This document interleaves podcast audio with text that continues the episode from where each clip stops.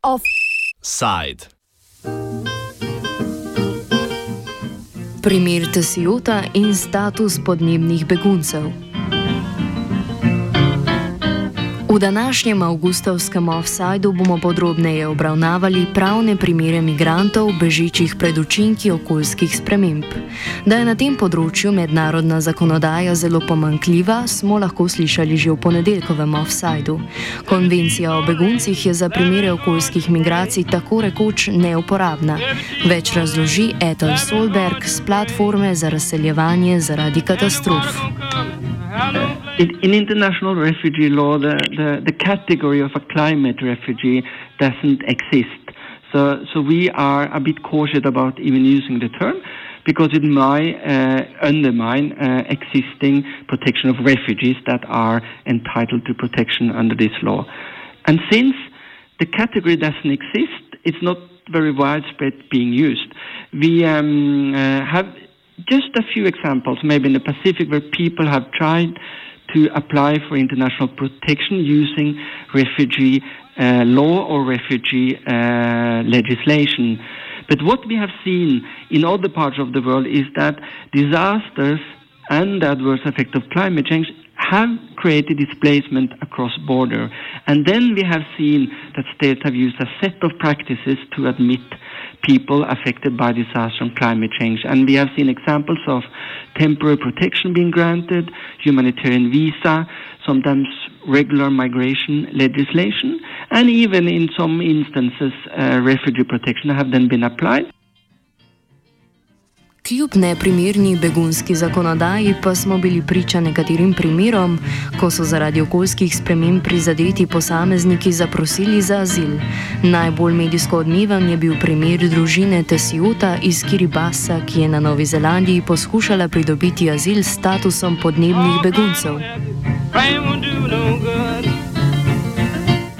Noben tak primer do sedaj ni bil razrešen ugodno za prosilca, razloži François Gemen, direktor na Science PO. Not to the best of my knowledge. Uh, it is clear that this case from Kiribati received a, a large media attention, and clearly, um, he, with this case, he tried to make uh, a case for the media um, and to push for better protection of people displaced by these slow onset impacts of climate change. But I'm not aware of any uh, person who received asylum on these grounds. Um, one should say, however, that in Sweden and Finland, asylum is granted also to victims of, of natural disasters. So in Sweden and Finland, uh, such cases might have existed. But uh, we're dealing here with a case by case basis, and I, I would even say country by country basis. S kakšnimi pravnimi težavami se morajo soočiti prosilci za azil, opiše Solberg. You must have a well-founded fear of persecution based on specific personal characteristics.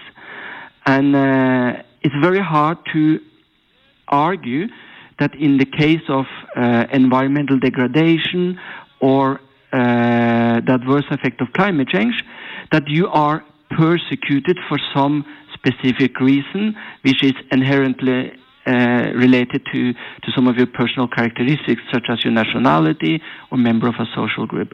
So it's very hard to argue that uh, you need international protection based on these criteria, that you have a well-funded fear of persecution, and that your state is uh, or that you are unable and willing to avail yourself of the protection of your state.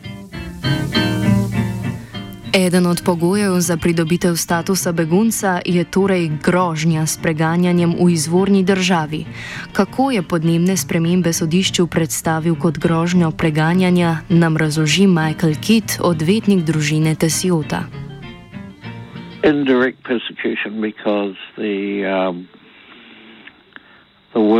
being uh, primarily dominated by northern hemisphere industrial countries refuse to uh, limit greenhouse emissions uh, thereby endangering the lives of people in low-lying atolls.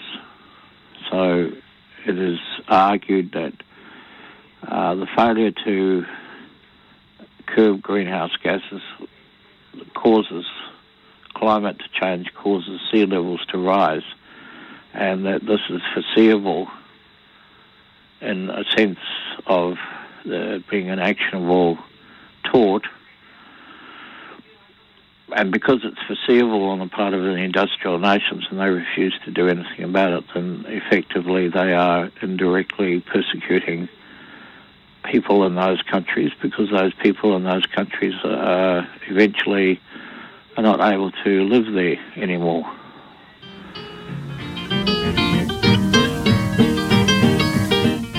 Sodišče take razlage ni sprejelo, dovoljenje za bivanje pa bi sodišče lahko odobrilo na humanitarni podlagi, kar določa poseben člen v novozelandski zakonodaji. Primer družine iz Tovala z zelo podobnimi okoliščinami je bil namreč na humanitarni podlagi za družino razrešen ugodno.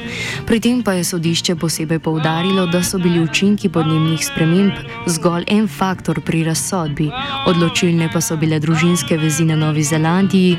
Kit pojasni. The tribunal said, when they were considering his case, if he'd brought his claim under humanitarian uh, status, it would have been successful. Beguncem tako pri utemeljevanju svojih prošenj preostanejo različne zakonodaje posameznih držav.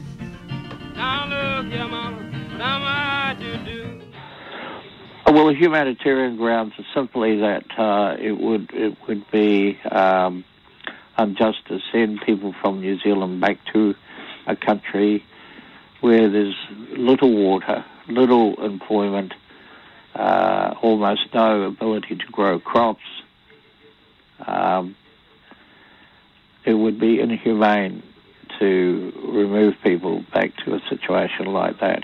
So I mean, the situation Tuvalu, Tuvalu is very difficult for the people living there, uh, and to deport people from New Zealand who have all the amenities back to a country where there's very few amenities would be inhumane.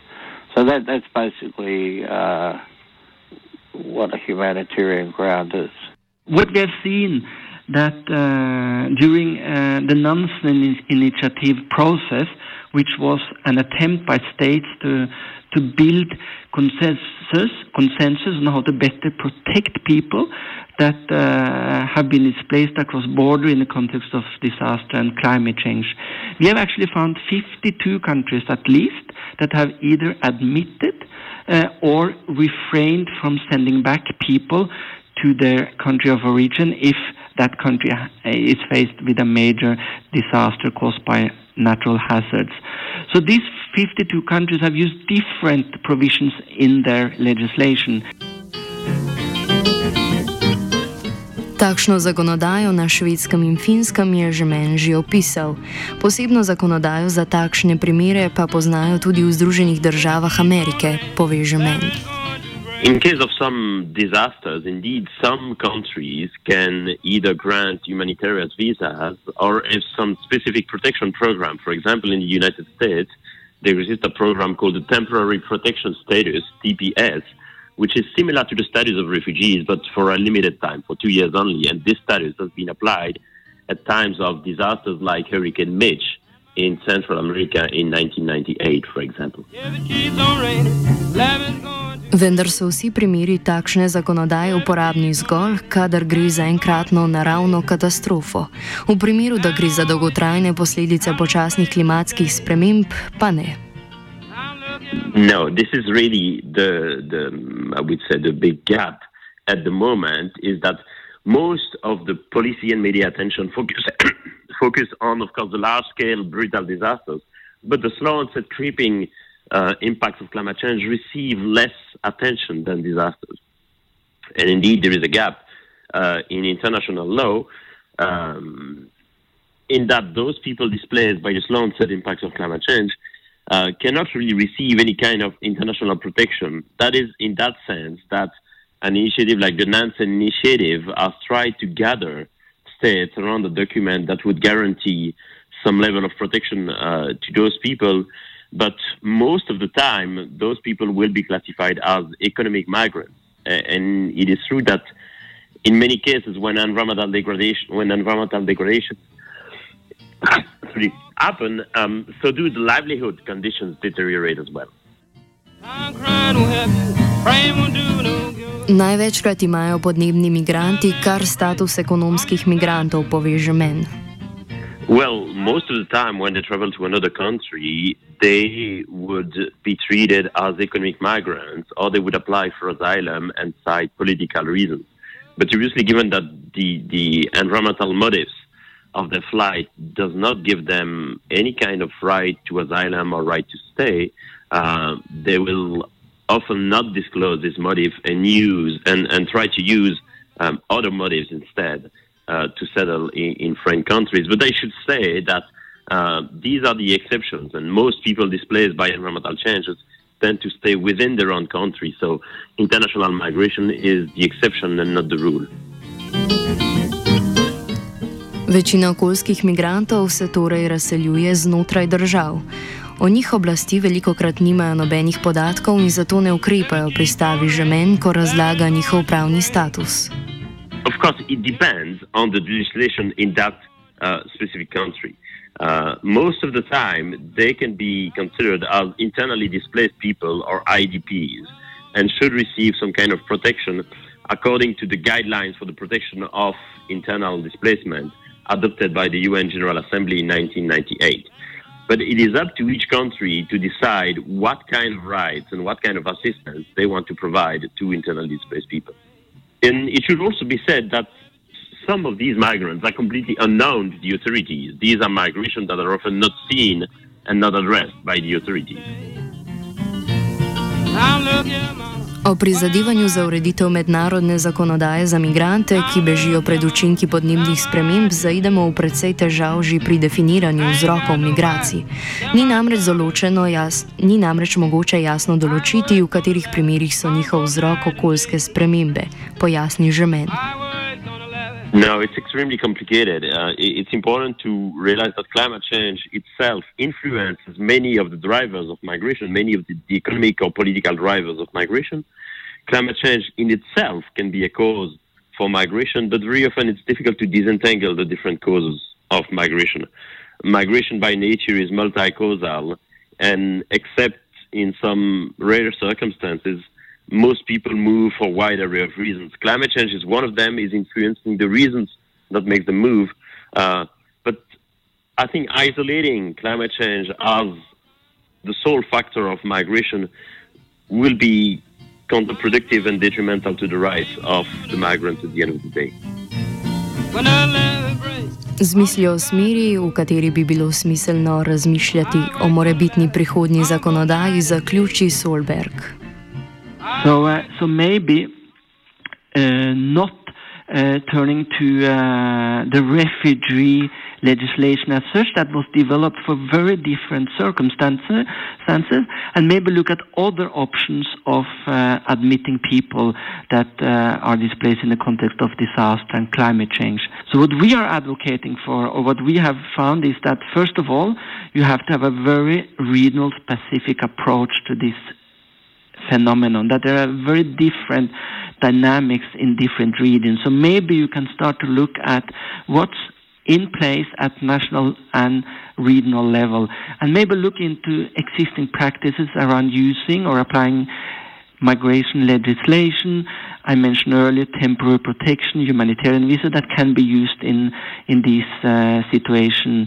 Uh, it may not be the best uh, road to go down is to trying to, to change the, the refugee legislation. One reason being that it is an existing uh, obligation on states that refugees, as defined by by the, the Refugee Convention, shall be protected uh, at international level, and by uh, starting to change that uh, legislation, you may uh, run the risk of um, affecting negatively those that are already covered by, by such international protection. Offside je pripravila Zala. Radio študent 24. Presledek ur totalnih zadetkov. Originalna radijska postaja.